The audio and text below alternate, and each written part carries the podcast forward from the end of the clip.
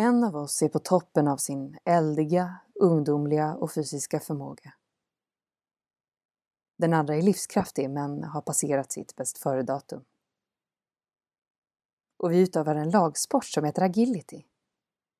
På samma exproprierade inhemska mark där zigenarnas förfäder vallade merinofår. Får som importerats från den då redan koloniala pastoralekonomin i Australien för att föda guldgrävarna under guldruschen i Kalifornien. När lager av historia, lager av biologi, lager av naturkulturer vävs samman har vi att göra med komplexitet. Vi är båda frihetshungrande avkommor av erövring. Produkter av vita nybyggarkolonier, hoppandes över hinder och krypandes genom tunnlar på agilitybanan. Jag är säker på att våra gener är mer lika varandra än de borde vara. Det måste finnas någon slags molekylär registrering av vår beröring av den genetiska koden för levande organismer som kommer lämna spår efter sig i världen även om vi båda är reproduktivt tystade honor. Den ena av ålder, den andra genom operation. Hennes för Australian Shepherds typiskt snabba, smidiga och merlent röda tunga har svavat mina tonsillers vävnad. Med alla deras ivriga immunreceptorer. Vem vet vad mina kemiska receptorer har burit hennes meddelanden? Eller vad hon tog från mitt cellulära system för att skilja mellan själv och annan och binda utsida till insida. Vi har haft förbjudna samtal. Vi har haft oralt samlag. Vi är bestämda att berätta historia efter historia med enbart fakta. Vi tränar varandra genom kommunikationsakter som vi knappt förstår. Vi är konstitutivt följeslagande arter. Vi utgör varandra i köttet. Respektive andra till varandra i specifik skillnad betecknar vi den kötsliga utvecklingen av en otäck infektion kallad kärlek. Denna kärlek är en historisk avvikelse och ett naturkulturellt arv.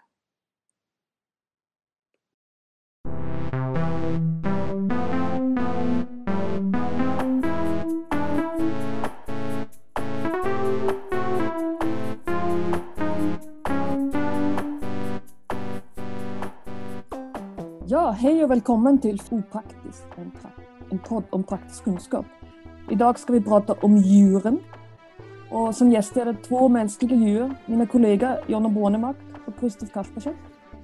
Vi hörde precis ett utdrag, precis början av uh, Donna Haraway, den amerikansk filosof, vetenskapsteoretiker och biolog. Och texten heter The Companion Species, Dogs, People and Significant Others som hon har skrivit 2003.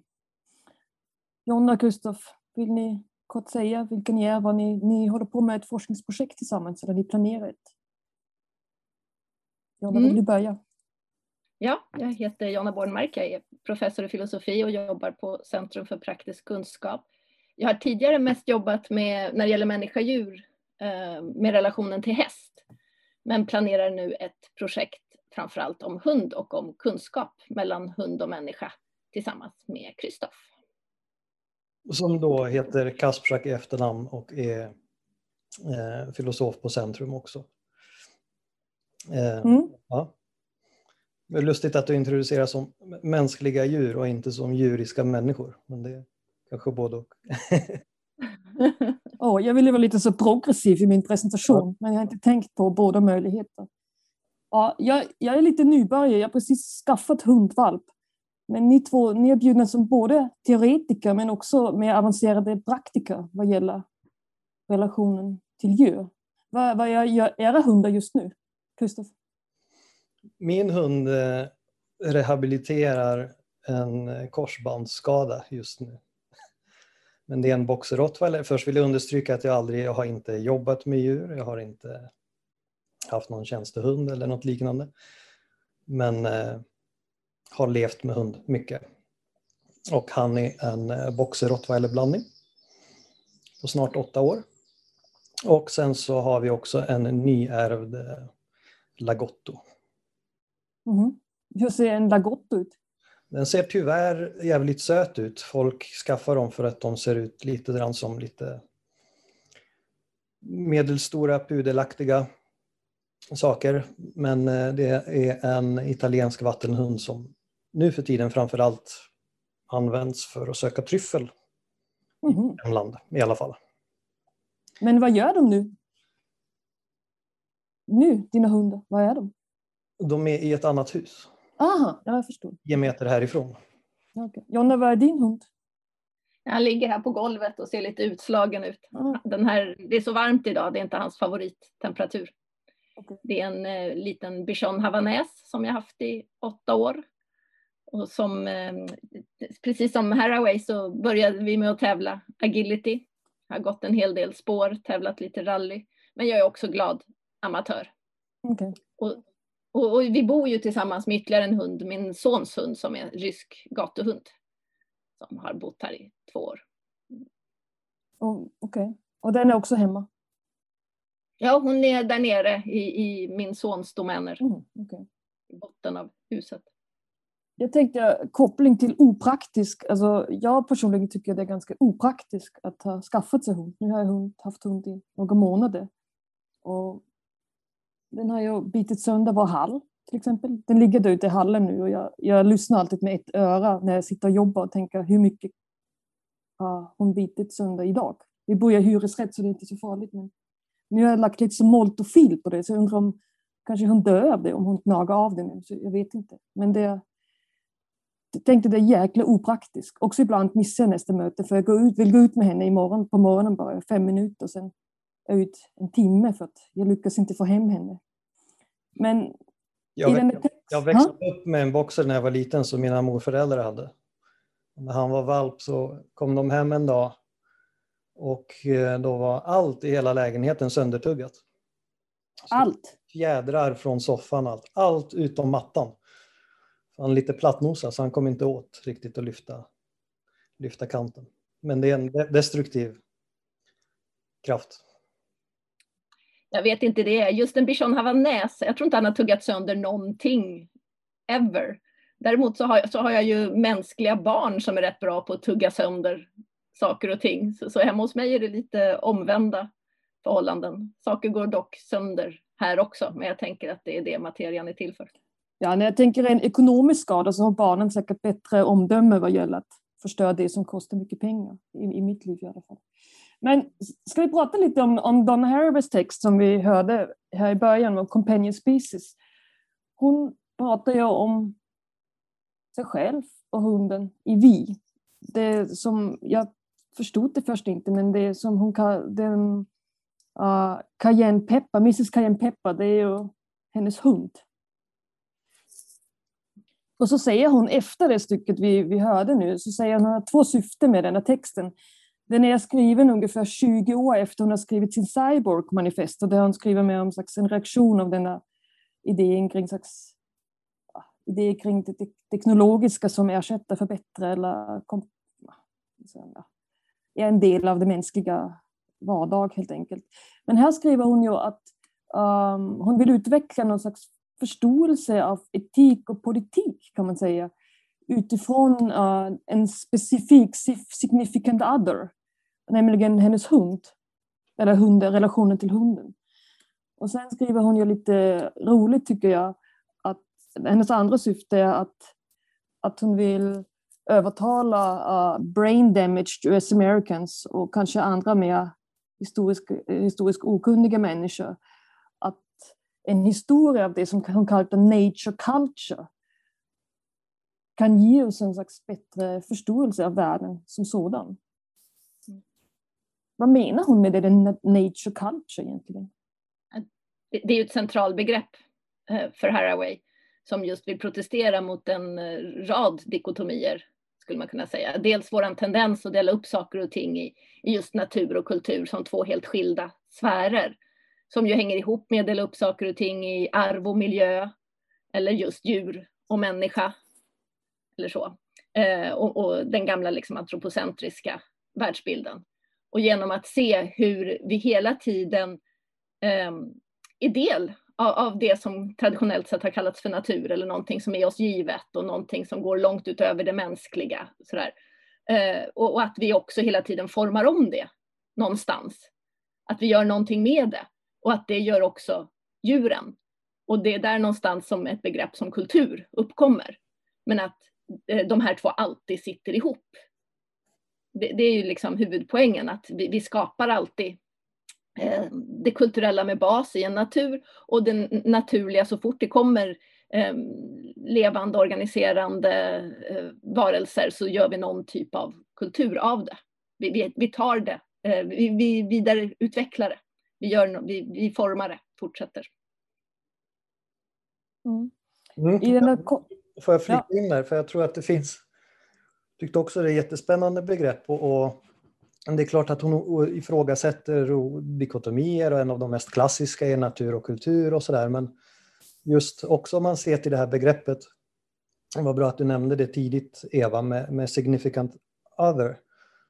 Där vi, man tar significant other, tror det skulle gå lite svårt att översätta det hon vill fånga med det till svenska, för man säger ju partner eller respektive. Men vad hon vill bevara det är ju också en skillnad och en annanhet. Så som jag förstår, bara kanske för att fylla i det som du sa, eller fortsätta bara Jonna, att det handlar också inte bara om att visa att ah, natur är redan kultur eller ah, kultur är redan natur eh, och, och smälta ihop begreppen utan också om att det om att det snarare genom att ifråga dikotomier bevara en skillnad men som är liksom i en gemenskap eller i en enhet och inte någonting yttre i förhållande till. För det är, i, i synnerhet i den filosofiska traditionen så har ju mänskligheten, människans mänsklighet definierats på ett negativt sätt när filosofin har sökt vad är en människa för någonting. Så, så har det ofta skett genom, som hos Kant, Immanuel Kant, en viktig upplysningsfilosof. Också senare hos en existensfilosof som Heidegger, på, genom negationer. Så människan är inte Gud, hon är inte djur, utan här emellan så hittar vi. Eh, men det är någonting annat hon är ute efter. Inte genom att definiera människans mänsklighet via den typen av negationer, utan någonting annat. Som behåller en irreducibel skillnad. Det, ja. ja. Och det finns ju en mångfaldstanke här mm. med att, eh, som handlar om att stå mitt i. För, för så ofta i liksom, den filosofiska aktiviteten eller mänskligt sätt att försöka ordna och förstå sin värld så ställer, har människan en tendens att ställa sig utanför. Mm och se liksom lite uppifrån ner på och därmed också då skära ut sig själv och Gud eller vad man nu allierar sig med, det, det, det objektiva rationaliteten eller någonting som, liksom, någonting som står utanför. Och här är ju precis ett spel av skillnader mitt inne i. Så människan här är på intet sätt, det är jätteviktigt att du påpekar det Kristoff, är på intet sätt liksom helt sammansmält med hunden eller sammansmält, att allting bara eh, blir ett. Utan tvärtom det är liksom en gyttrig mångfald mm. och fullt med liksom fickor av saker som är fördolda, som man inte förstår, som inte, behöver, som inte är bra. Jag menar, även i relation till hennes cyborg-manifest så handlar det inte om att um, tala om vad som är bra. Alltså hon är väldigt icke-normativ faktiskt. Hon, hon, pratar inte så mycket om precis vad som är bra eller inte. I Companion Species som är, um, nej eh, förlåt, i, i uh, ah, vad heter den? Shit, nu tappar jag ah, When Species Meet mm. heter hennes kända bok. Ursäkta, jag tappade titeln. Um, men du lutar dig bakåt som om det stod i en bokhylla ganska nära dig. Ja, den gör det. Den står där. Ja. Precis. Men, men um, uh, poängen var där också att, att det, det, finns en massa um, människa, andra djur, eh, samband i den värld vi lever i som inte kanske i grund och botten är, är moraliska. Hon pratar till exempel om försöksdjur. Eh, men, som, som, men det handlar inte om det här, utan det handlar om att få syn på vad det är för typ av samspel, vad, vad det är för liksom, gyttrig värld som pågår omkring oss och få en annan blick för det. Mm. För att därifrån kanske kunna återinbjuda de etiska frågorna.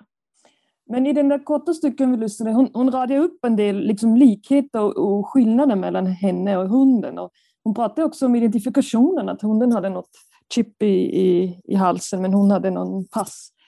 Så det, det finns också lite, inte dikotomier men det finns ändå likheter och skillnaden som hon pratar upp som är en utmaning i relationen, föreställer jag mig. Alltså det, är, det är också min första erfarenhet med, med att leva med en, en hund.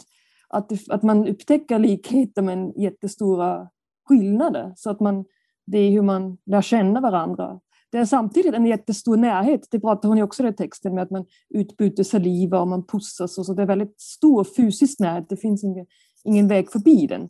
Samtidigt finns också en stor distans vad gäller det upplever jag i alla fall. Och så skriver hon ju också om det, att man, man, um, man, man, man möter den andras behov men man, man vet inte riktigt, man kan inte vara helt säker. Fast jag tänker att det viktigaste i den där textstycket inte är egentligen um, relationen. Mm. Det är liksom inte så här, här står jag och där är du. Utan det är snarare, här, här finns vi tillsammans ja. i det här sammanhanget, i den här praktiken, i det här livet. Mm och, och hur vi finns tillsammans mm. här. Det handlar ju ännu inte om att liksom odla en relation eller hur ska jag göra för att liksom eh, det handlar väldigt lite om hur ska jag göra utan det handlar ju, hela texten placerar ju in i hur är vi i det här gyttret tillsammans. Mm. Det är så jag tolkar det också och att liksom hon radar upp de här grejerna som det här med chippet och det där liksom att det finns en social jag vet inte, nu hittar jag inte rätt ord, men juridisk, juridisk inskription, men som är liksom på den liksom bara kroppen också. Som är gemensam, men som ändå är skild. Um, så jag tror också att jag tolkar det på det sättet. Liksom. Det här är liksom scenen på något vis. Liksom. Ja, hon, tolkar, hon skriver utifrån en vi-gemenskap. Jag kanske jag läser det med utifrån min position. Hon har ju senare i texten exempel där hon bjuder sin gudson som är sex år på, ska gå på valpkurs med sin 12 veckors gammal valp.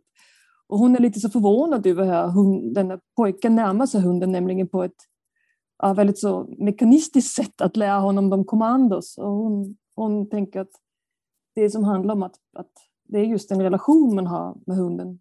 Det är något ömsesidigt, inte det att träna hunden i något. Så hon, har, hon skriver utifrån en etablerad relation skulle jag säga, medan jag som är nybörjare med hunden, jag jag känner att jag står fortfarande utanför. Men det kanske, det kanske måste inte vara så. Nej, men jag tänker att hennes, hennes budskap, liksom det hon vill åt här först och främst inte är en liksom, hur ska jag göra? Mm.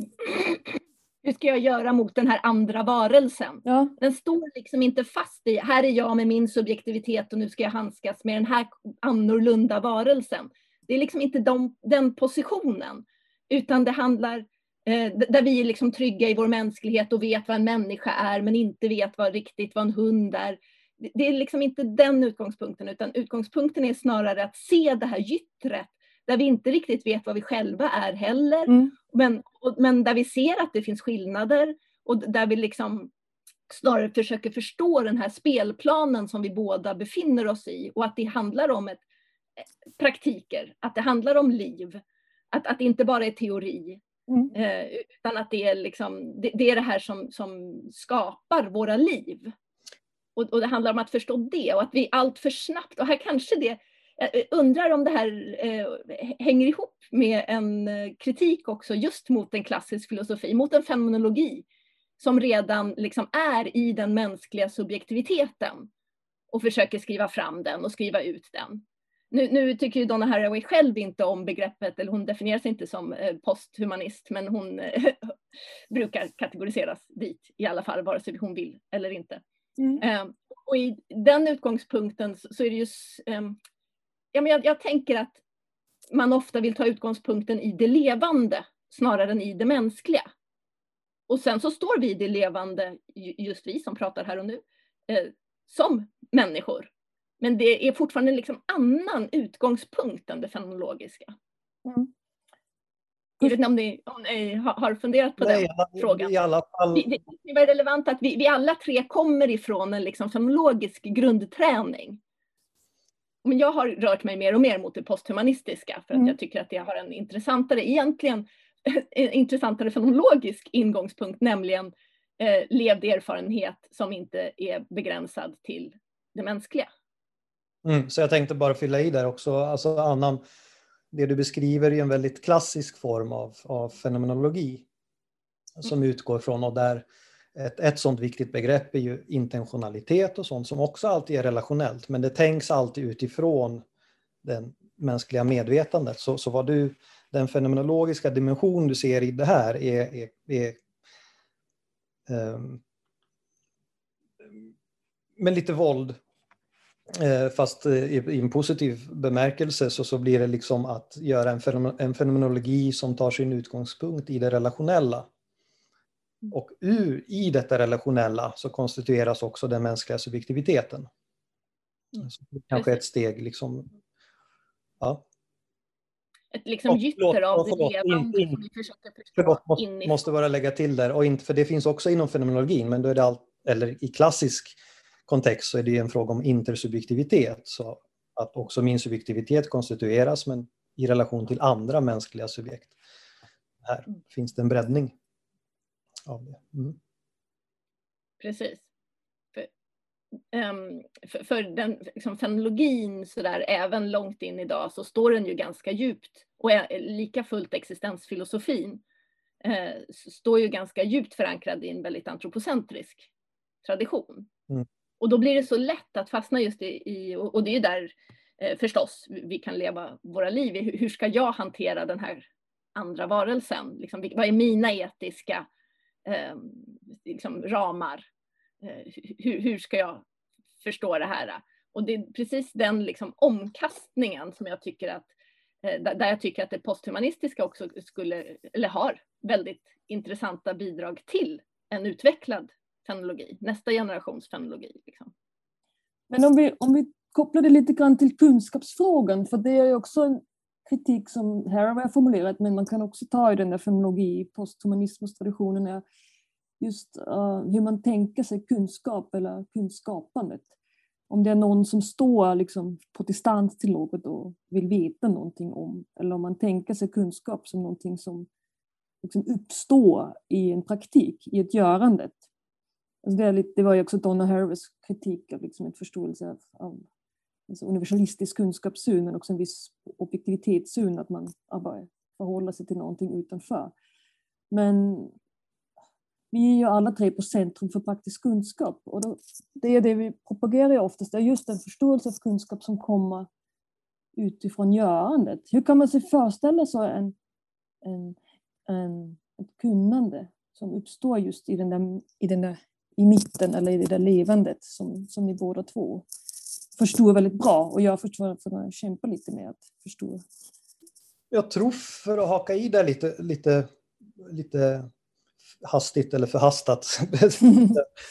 Men det är kanske liksom hur man blir ganska konkret och, och, och tänka kring hur det här idealet om, en, om kunskap som någonting som, som eh, uppstår utifrån en viss distans är en väldigt optisk, utgår från en väldigt optisk föreställning om vad kunskap är för någonting. Så, eller hur? Om vi har någonting precis en centimeter från näthinnan så ser vi ingenting. Vi kan inte skapa oss någon bild, eh, skapa oss något, utan vi måste ha den på en viss distans, lagom distans, inte för långt och kunskap handlar om att hitta den distansen. Hundens nos är gärna en centimeter från det som den undersöker. Eh, så nu vet jag inte om jag spårar iväg lite grann, för jag, eh, men om vi tar till det här görandet och hur, hur en förare jobbar med, med hundens, hunden och hundens nos exempelvis så måste det utvecklas en sorts känslighet för eh, att kunna, att kunna se och känna genom hundens nos exempelvis. Och hunden utvecklar ju ett kunnande genom att använda sin nos som är väldigt eh, För vi har ju andra sinnen också, som också att ta på hunden, som i terapihund eller någonting sånt. Liksom en kunskap som är kännande, som är fysisk. Liksom, och både de, de, inte för att tala om smaken, men där kommer hunden också in. Hunden smakar genom sin nos. Så alla de här sin, sinnena skiljer sig mycket från det optiska och öppnar en väg för att förstå kunskap på ett annat sätt som vi kanske inte är vana vid. Mm. Och här är det intressant med den kunskap som finns eh, mellan hund och människa som, vi liksom, som hunden inte har själv eller som människan inte har själv utan som bara kan uppstå i ett möte mellan oss. Och, och det är det Kristoff och mitt eh, forskningsprojekt är mest av allt intresserad av. Och här, jag tänkte när du pratade nu Kristoffer, därför jag blev så ivrig, mm. eh, så tänkte jag på när jag började att gå eh, viltspår med min hund. Vad viltspår eh, för något Jonna? Kanske inte alla vet? Viltspår, ja, jag ska förklara. När man trän, tanken är helt enkelt att man ska kunna spåra upp ett skadat rådjur eller så. Och hunden har på sig ett sele och en lång lina. Och hunden måste ju leda, och, för jag har ingen sån nos. Och så måste jag följa. Och hunden måste förstå sin uppgift, att det är att liksom söka upp det här rådjuret. Och när man tränar det så droppar man blod och drar en klöv genom skogen. En klöv? Man, Vad är det för något? En klöv, en fot. Ett, en rådjursfot. Ja. Var kan man köpa en sån? Eh, det finns eh, på speciella ställen, ah. sällan i vanliga matvarubutiker. Men, men grisblod finns i vanliga matbutiker. Okay. Ja. Men det som var grejen när jag började med det, så sätter man, när man är nybörjare, så sätter man ofta upp så snitslar som människan kan se var spåret går. Och då kunna se om hunden helt plötsligt liksom inte förstår sin uppgift och går åt helt fel håll eller något sånt. Det är bara det att jag hade tränat agility med min hund innan. Och i agility så är man jätte, lyssnar hunden jättemycket på mitt kroppsspråk och vart jag vill och hur jag riktar kroppen och vart jag är på väg sådär för att liksom guida till nästa hinder som ju hunden eh, genomför. Eh, och det gjorde att min hund var så himla... Eh, och, och jag, kan inte, jag, jag, kunde inte dölja mina... Eh, det syns för mycket i mitt ansikte och i min kropp. Så, så jag, jag tittade på de där snitslarna och informationen kom liksom fel väg vart hunden skulle gå. Hunden läste av mig, trots att jag gick långt bakom honom. Så liksom slängde han en blick och såg vad jag höll på med där. Så att vi, just när jag gjorde så fick vi ta bort de där snitslarna. Så att eh, hunden fick leda. Mm. Och jag bara tänker att det här visar hur, hur, liksom, eh, ja, men hur många komponenter det är i det. Och det är det som är så kul med just att eh, när hunden jobbar med nosen, är ju att jag måste lita på hunden. För jag vet inte. Grund och botten här så är det hunden som har liksom, grundkunskapen. Sen måste jag kanske ge lite ramarna kring det och så vidare. Men um, det visar också eh, en, en poäng som är liksom jätteviktig uh, för Haraway också, är att um, människa, alltså den, och det här, nu, nu jag byter lite tema, um, vår mänskliga kultur vore inte det den vore om vi inte hade samarbetat med en rad olika typer av djur. Mm. Så att um, vi befinner oss liksom redan i det här, även om man inte nödvändigtvis har tränat en spårhund. Det tycker jag var intressant också med Harrys perspektiv, alltså att hon tar den där djurhistoriska perspektiv till att vi behöver för vår förståelse av vår närvaro här i, världen också den här förståelsen av djurhistoriken eftersom världen är så präglad av vårt samspel och arbete med djuren och så vidare.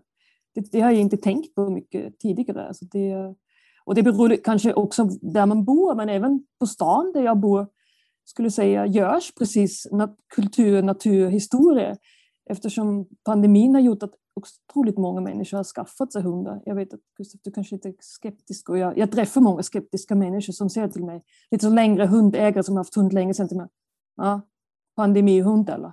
Och så känner jag mig lite ja, under prov. Så jag har skaffat den nu under den historiska förutsättningen att det finns ett vakuum kanske för i, under pandemin, men jag måste prova mig bevisa mig att jag utöver det kan vara med den där hunden som inte bara uppfyller den där vakuum. Och det är någonting jag vill gärna prata med lite grann, för det var någonting som jag funderat mycket på innan Lester Harvey med allmänheten, att, det med, att jag var lite skeptisk med det djurmänniska, att man skulle ha något djur för att jag hade så fördom att man skulle, man skulle klara sitt liv som ett socialt varelse utan djur och om man inte klarar det så, så kan man skaffa sig en, ett djur som älskar en ändå. Så jag tänkte lite grann, nu vet jag mina föräldrar kan inte tysk-svenska men jag tänker att de skaffar sig en katt för att det finns inget kroppslig närvaro. Alltså det är inte så att de klappar varandra jättemycket men då skaffar man sig en katt för man inte vet hur man ska uttrycka sin kärlek till varandra till exempel. Men... Och den idén finns ju med så crazy cat lady som misslyckas med normala mänskliga, riktiga mm. relationer och då måste ge sig in i mm. relationer med djur.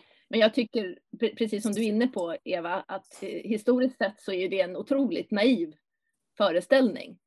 För människor har alltid levt med andra djur. Mm. Och det är inte istället för, eller man kan organisera sitt liv på en massa olika sätt. Och det behöver inte vara ett problem heller att man eh, har sina främsta relationer med andra arter än med människor. Mm. Det, alltså det finns ju faktiskt, det är bara en, en idé att, att det skulle vara ett att man skulle vara sämre som människa då eller ha misslyckats som människa om ens starkaste relation är till ett annat djur. Men hon säger också här att det med unconditional love, det är också ett myt. Det är inte så att, man, att, att djuren bara underkastar sig och det jag, jag tror det är, det är där som är den liksom nyckelpoängen i hennes kritik. Liksom det är inte det att vi har djur för att få en närhet eller någonting, utan det är det här liksom kravet på en villkorslös kärlek. Mm. Som är, hon skriver, nej förresten jag minns inte exakt vad hon skriver. Eh, men eh, är, gör både, jo, hon skriver någonting, gör både orättvisa mot hunden och, och mot människan. Liksom den här mm. föreställningen om, om en villkorslös kärlek. Så det är inte närheten och att man kanske bättre trivs med djur än med människor. Utan eh, det är liksom kravet på en kärlek som, som bara ska vara där hos djuret, som djuret bara ska ge. Liksom. Och det är ju en extremt, jag vet, jag vet inte, det, det, finns ju folk, jag vet inte, kanske mer sällsynt nu, kanske var vanligare, jag vet inte, förknippa det med något så här, om det är ett 70-talsuttryck eller vad det är, om typ schäfermannen eller typ en person som vill ha sitt egna lilla totalitära sammanhang med sin hund och, och, och med absolut lydnad. Mm. Men det är mycket värre att kräva villkorslös kärlek än att kräva absolut lydnad. Framförallt för hunden tror jag. Varför det? För att det är Eh, för att i lydnaden så finns det till och med den här stränga, lite gammelmilitäriska liksom dressyren eller någonting så gör man ju någonting med hunden. Här, villkorslös kärlek, så är det hunden bara så som den levereras så ska den bara av sig själv ge, eller snarare nästan vara en, en slags liksom, behållare för människans alla negativa känslor. Och, och något som många, det här kan ju Jonna mer om än vad jag, men liksom som en terapihund exempelvis som tar emot bra på att ta emot kanske är fel ord, men tillfället att härbärgera negativa känslor måste vila från det också. Det är otroligt uttröttande för en hund det här. Eh, som ni också båda nog kan mer om än jag, men känslomässiga arbetet som förväntas av en hund som ska ge villkorslös kärlek på det naiva sättet. Och då, då, är det, tror jag, den här gammeltotalitära modellen är mycket schysstare mot hunden än... Eh, jag tror det du säger, Kristoff, om att det inkluderar rörelse. Mm. Att den där lydnaden liksom är, är en praktik. Mm. För, för, den där villkorslösa kärleken kanske vi också förknippar med en väldigt eh, antropocentrering av, av eh, antropomorfism av, av, djuret, av att sätta på det små gulliga kläder och liksom, men kom här lilla mamma, lilla tutti älskling och djuren, eh, hundarna här, eh, får leva ett väldigt icke-hundigt djur. Mm. Att, de, att, att man inte möts i det mellandjuriska, utan att man trycker in eh, hunden i ett sådant fall in i liksom en helt mänskligt ramverk. Det, det, är ju en variant av det där. Men sen tror jag också att det ligger någonting i alltså den asymmetri som finns mellan människa och andra djur, om vi nu pratar husdjur. Och det är därför så många eh, ja, men, eh, djurrätts eh, och andra runt om kan vara väldigt negativa till hela husdjurssfären. för att den alltid bygger på ett förtryck. Jag skulle säga att den alltid bygger på en asymmetri. Mm. Um, alltså så som, som det ser ut nu så, så är det um, människan som bestämmer vilken hund som ska vart och var den ska leva. När vi liksom håller i ramarna, bestämmer vad den ska äta, om den ska få para sig, om den ska få ha en sexualitet. Alltså vi bestämmer otroligt mycket. Och i det, eh, liksom den grundläggande asymmetriska relationen, så tror jag att vi fortfarande, att, att det är en viktig, alltså relationer är asymmetriska. Relationen till våra barn är asymmetriska, relationen till en sjuk är asymmetrisk, relationen mellan en chef och de som den jobbar med är asymmetrisk. Vi har en vana vid att tänka att alla asymmetriska relationer är i grunden fel. Eller så. Och det tror jag är, är problem i sig. Men med det sagt då, att relationen är asymmetrisk, så kan vi ju fortfarande mötas i den där asymmetrin, eller vi kan inte mötas. Och i ett väldigt förmänskligande av djuret, av det andra djuret, som bara ska knölas in, då, då, då, då finns inget lyssnande, då, då, finns inget möte med det andra. Så att på det sättet tror jag att just den där eh, totala, när, när djuret bara blir en kärleksattrapp, liksom, är, är väldigt obehaglig. Och det här känslomässiga arbetet som du kom in på, Kristoff, är, är, ju jättespännande just för att vi inte har tänkt på det som arbete så länge. Det, det är liksom en ja, feministisk upptäckt först och främst. Att känsloarbetet är någonting som tar massa energi och som liksom är ett jobb som eh, i en västerländsk kultursfär kvinnor i hög utsträckning har liksom utfört och som inte har synts. Och här kan vi se hur stor del, hur många djur som utför ett sådant jobb. Och jag, eh, just när det gäller terapihundar oh. så, så, är det ju, alltså en terapihund kan ju också känna lukten av, av ångest till exempel. Eh, eller en duktig terapihund, alltså ångest luktar ju. Och, och, att möta det och kliva in i det och stötta det, alltså deras välutvecklade luktsinne och liksom flock sätt att vara på, att ta hand om sina flockmedlemmar och så och även folk som de inte känner är ju en helt fantastisk liksom, yrkeskompetens hos många hundar. Men superviktigt att det där liksom tas om hand om och det vet alla eh, terapeuter som jobbar med, med terapihundar.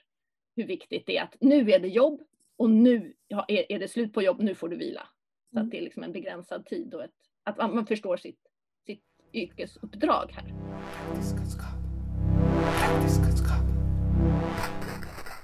Jag har med en, en, en text. En, det är ingen expert i lådan den gången, det är en dikt i lådan skulle jag säga. Som kanske visar på någon lite havererat hund-människa-relation. Jag ska läsa den. Den är på tyska. Vi har ett tvåspråkigt podd idag. Men jag ska sen berätta lite vad den handlar om. Den heter Otto Smops Hopst. Ottos mops. Ottos mops trotst. Otto. Fort mops, fort. Ottos mops hopst, fort. Otto. Så, så. Otto holt koks. Otto holt obst. Otto hårt. Otto. Mops, mops. Otto hoft. Ottos mops klopft. Otto kom mops kom. Ottos mops komt. Otto Smops konst. Otto. Och gott och gott och gott. Jo, för er som inte kan tyska, det är alltså en, en dikt av en österrikisk poet som jag gillar mycket, Ernst Jandl, han är död 2002.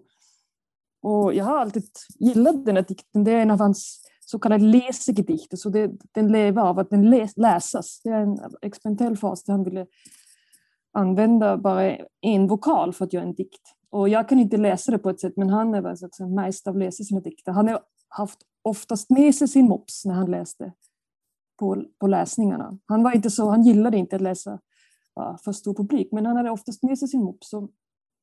jag, tyckte det var, jag tyckte alltid att det var bara en rolig dikt. Jag hade bara, det var en av de roliga dikterna. Men nu när jag, när jag äger en, äger får jag säga det, när jag har en, en valp, så dikten handlar ju om att att Ottos mops trots det beter sig på ett sätt som Otto inte gillar. Och då skickar han åt bort sin hund. Och han är väldigt nöjd för hunden lyder. han säger så så, han är nöjd. Hunden gick iväg. Och så gör Otto sina grejer. Han hämtar koks. Det var lite osäkert om det var kokain eller någonting att, att göra eld med. Men jag, jag tror det var, var bara att elda med. Men efter ett tag så längtar han efter sin hund. Han saknar den. Så ropar han efter mopsen. Och verkligen, mopsen kommer springande. Men han kräks. Och då är Otto förtvivlat och gott och gott och gott.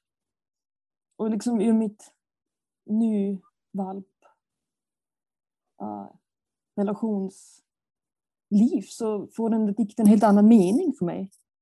Alltså den handlar just om den där, är tanken att man måste lära hunden någonting, till exempel att, ja, att komma hit eller att, att vänta och så vidare. Och nö, nöje med att, att man klarar det. Men också någonting ambivalent med det, att ha gjort det. Att ha lärt dem att lyda. Att det finns någonting,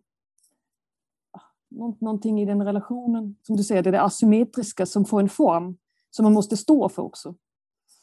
Och så ropar jag efter han efter mopsen och den kommer igen. Men sen kräks den ju.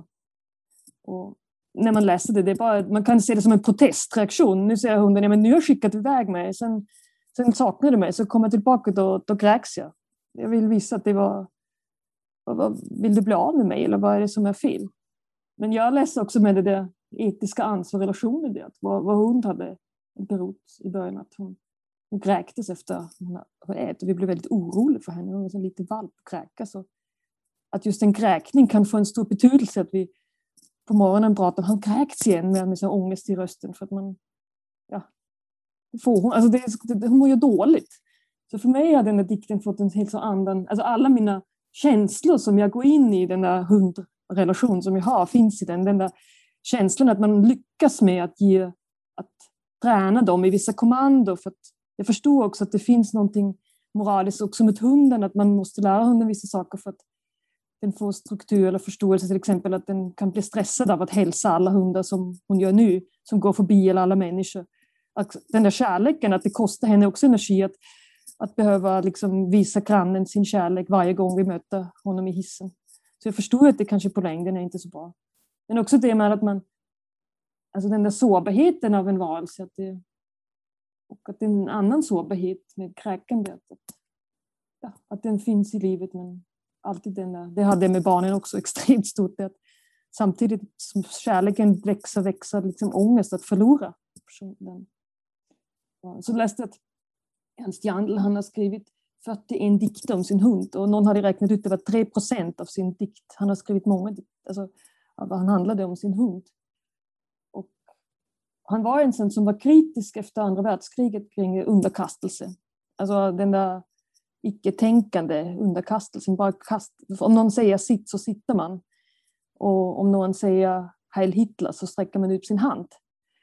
Uh, vi, vi sa innan lite, vi pratade lite om hundens omdöme. Det är ju inte så att hunden säger, kan bedöma det på något sätt att uh, det är min, uh, hur säger man, matte hos bestämma är rätt. Alltså det finns ju folk som, som tränar sina hundar aggressiva till exempel. Något sånt.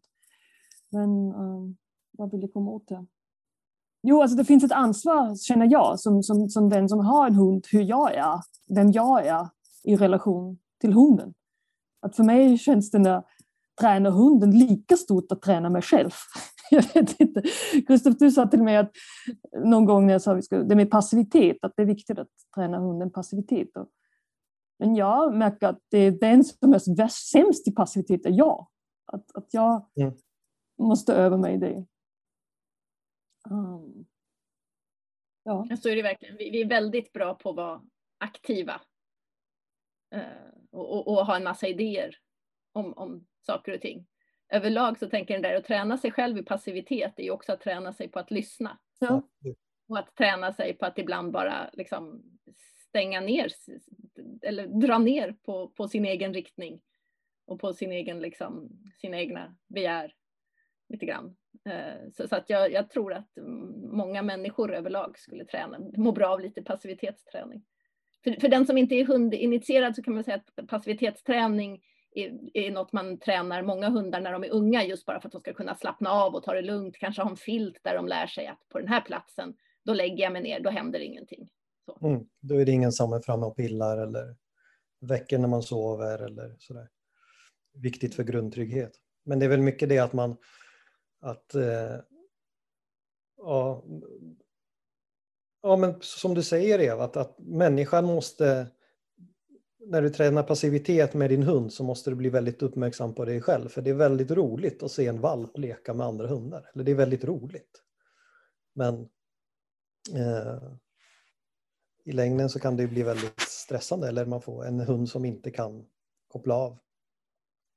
Och som inte kan ta in en situation utan direkt bara rusar, rusar in. Men vad jag tänkte på mer var när du pratade här Eva, att jag tror att det finns en en lite sammanblandning mellan lydnad. Eh, för det är också, om någon säger sitt och så sätter jag mig bara för att jag blir tillsagd att sitta men jag förstår inte varför. Så det, det kan vara ett första steg, men efterhand så handlar det om också hos människor att vi förstår varför, eller som barn i det här sammanhanget. Eh, och eh, så jag är inte en sån som tycker att lydnad alltid är så fruktansvärt och, och förtryckande och sånt, men en lydnadhet, en lydnad som, som sen handlar, där slutmålet är följsamhet. Och följsamhet är ju inte samma sak som en blind lydnad, utan mm. följsamhet är ju också förknippat med något som är så otroligt viktigt med hundar och när man jobbar med hundar. Som man kanske skulle kunna nästan beskriva som eh, som jag förstår det lite improviserat, liksom atmosfären för att jobba med hund, det är ju för förtrolighet, eller vad det är rätt ord? För, mm. Förtrogen. Förtrogenhet, ja precis. Eh, ett ömsesidigt förtroende som är, finns ett väldigt, jag tror anledningen till att man har frångått det är väl för att det varit missuppfattat med en dominans, att, att människan är dominant mot hunden. Eh, man sätter regler och sådana saker men då ofta misstår man ju dominans för aggressivitet eller för bara en ensidig... Ehm, det finns något i förtrogenhet men också där asymmetrin är där så att det handlar också om att vara en auktoritet. Och en auktoritet känner man ju tillit mot. Vilket man inte gör mot någon som är auktoritär. Så, mm. Ja, jag spann bara vid det. Bara reagera på den här med lydnaden. Jag tror det är många hundar som har så här jag har träffat på också i, i min närhet, djur, eller djurägare generellt som har nästan oftare kattägare som har dåligt samvete för att de har djur. Man har djur samtidigt som har man dåligt samvete för att man har djur. Men det kanske... Ja, man gör dåligt samvete för djur, men jag har också ibland dåligt samvete att jag har barn. Alltså jag tänker det, det är ju... Vad ska jag säga? Men det är för att jag vet att jag har inriktat, inriktat mitt liv på ett sätt uh, redan i många år. På ett visst sätt. Och djur och barn och äldre, nu kommer mina föräldrar, de utmanar mitt sätt att ha inrättat mitt liv. Och jag säger, jag vet inte, det har också... Men samtidigt, Donna Harris skriver att, att uh, hunden uh, den sänker blodtryck, man kommer igenom sin skilsmässa och, um, och genom sin barndom. Uh, hon har ju också lite perspektiv. Jag tänker mig det med att uh, jag lär mig jättemycket av det. Jag har lärt mig också mycket av för barn. Jag har lärt mig mycket om mig själv. Det är kanske väldigt trivialt, men, men jag har kanske inte den naturliga uh, tillgång till det. Jag vet inte. det, Ja, vi, vi, vi ska avsluta den podden, nämligen ett misslyckande. Men jag, jag kan berätta kort om ett misslyckande. Det är nämligen att ge ögonsalva till en hund. Det är jättesvårt. Det, det kan jag inte. Men däremot att tvätta hennes ögon med sådana saltlösning, det går bra. Och det har lite det med att lydnad att veta varför göra. För jag tror hon förstår att det verkligen lindrar hennes kliande i ögonen. Hon har, jag, efter några gånger när jag tar henne vid nosen så jag tror hon tittar på mig och litar på mig, tror jag. Jag att jag gör inte det för att plåga henne, men jag gör verkligen för att det, det lindrar hennes obehag. Ja, det med ögonsalvor vet jag inte riktigt. Jag kanske borde berätta. Jag, jag vet inte. Men det kanske ni kan off, off record sen berätta mig hur man gör. Är det något misslyckande som ni vill dela med mig? Jag kan ta ett misslyckande som faktiskt handlade om vår agility-träning. Det var ett liksom stort misslyckande. Vi, eh, alltså, hundar som eh, tränar agility kommer ofta, liksom, de blir upp i varv, det är jättekul, det är, liksom, är full fart, det är, människan är glad, eh, vi, vi röjer av runt där på banan, eh, försöker eh, höja tempot, eh, lära oss all teknik. Och så vid ett tillfälle, eller allt eftersom, så började min hund plötsligt att stanna mitt på. Han var rätt duktig, han var rätt snabb trots att han är inte en, en snabb ras. Sådär. Eh, men, men så stannade han mitt på banan och ville inte fortsätta. Och jag var så här, men, men va, vad är det som är fel? Och när han kom till träningshallen så började jag upptäcka, eller det så, var så otroligt svårt att upptäcka den där gränsen mellan att vara glad och vara stressad. Och så visade det sig när jag liksom tog itu med det där då och försökte gräva det, att han hade ont i ryggen. Mm. Att han, är, han har lite långt mellan, eh, han är lite långryggad. Och just, jag tror framförallt slalomen tog för mycket på honom. Och då, det, det var verkligen ett, ett, att jag inte hade sett det innan. Mm. Att jag inte kunde liksom läsa honom innan, att han behövde liksom få, jag tror då ganska mycket ont, eller mer ont i ryggen. Eh, att han inte kunde säga till mig att det här är inget roligt längre, för jag tror han tyckte det var roligt mm. i början. Summa summarum var ju, blev ju att vi slutade med agilityn och, och ägnade oss åt andra saker istället. Mm. Det var liksom, det är mitt största misslyckande, att jag inte såg. Mm. Men det, det tror jag mitt dåligt samvete kommer ifrån, att jag, att, jag, att jag inte är säker på att jag ser vad som är bra för henne, att jag, att jag skapar ett liv för henne som är helt fel. Att jag inte går ut tillräckligt med henne, att jag inte inspirerar henne tillräckligt. Jag tror det är det. Kristoffer, har du misslyckats? Du måste, du måste, man måste inte ha misslyckats i den här podden. Men... Bara lite. Det är en, en, stor del av min tillvaro. Med, jag bara försöka hitta, hitta någonting som var passande. Eh, som är opraktiskt på något vis. Och det var jävligt opraktiskt här om veckan att mina skor blev snodda i trappen. Och det var ju opraktiskt. Och så var det opraktiskt för att då fick jag gå omkring i mina lyftarskor några dagar. Och de är lyfta skor? Aha, ja, att lyfta. Ja. ja, de är hårda och de har klack och det var, det var jobbigt. Så det var opraktiskt i sig. Eh, men det som var mer relevant för det här var liksom att, i, att hakar i kanske lite det som Jonna sa om olyhörd är väl inget ord, men brist på lyhördhet. Mm. För att eh, eh, min, den större hunden Boxerottis, han har mycket vakt i sig. Eh, och eh, han kan avgöra ganska fort också när vi är på ett nytt ställe om det är grannar som går i trappen eller om det är någon annan som går i trappen eller till och med om det är någon som besöker grannar. Och då så satt jag och jobbade. Han har haft en korsbandsskada så jag har sprungit med honom sex gånger om dagen ut, liksom burit honom i ett par trappor. Eh, så satt jag och jobbade och så morrade han på ett sätt som han inte riktigt brukar. Och så tittade han på mig och så bad jag honom att sluta störa mig för att jag jobbar och jag är skittrött och jag måste bli färdig. Eh, och sen var skorna borta efteråt. Så han försökte säga till mig, det var någon som var lite för nära dörren, det var inte en granne, det var inte någon som levererat paket, det var inte, och jag lyssnade inte på det så får jag skylla mig själv. Jag får skylla mig själv ännu mer, för det hände för ett par år sedan också, där han väckte mig halv fyra på morgonen och morrade på ett ovanligt sätt och skulle ha min uppmärksamhet. Och då ville jag ju fortsätta sova. Och då hade de gjort inbrott i lokalen precis under mig. Jag hade inte hört någonting. Men det var en brist på lyhördhet också. Det var det jag kom på. Mm. Mm. Så att med hund, inte bara liksom lyhördhet, är en sak liksom man tänker när jag väl gör någonting med hunden, men vi lever ju med hunden i, som sällskapsdjur, har vi dem dygnet runt. Så, så där brast. Och här har vi ju, liksom, vi lever ju i mellanartsfamiljer. Mm. Det finns inget riktigt bra ord för det. det. Det är så nära jag kommer på svenska.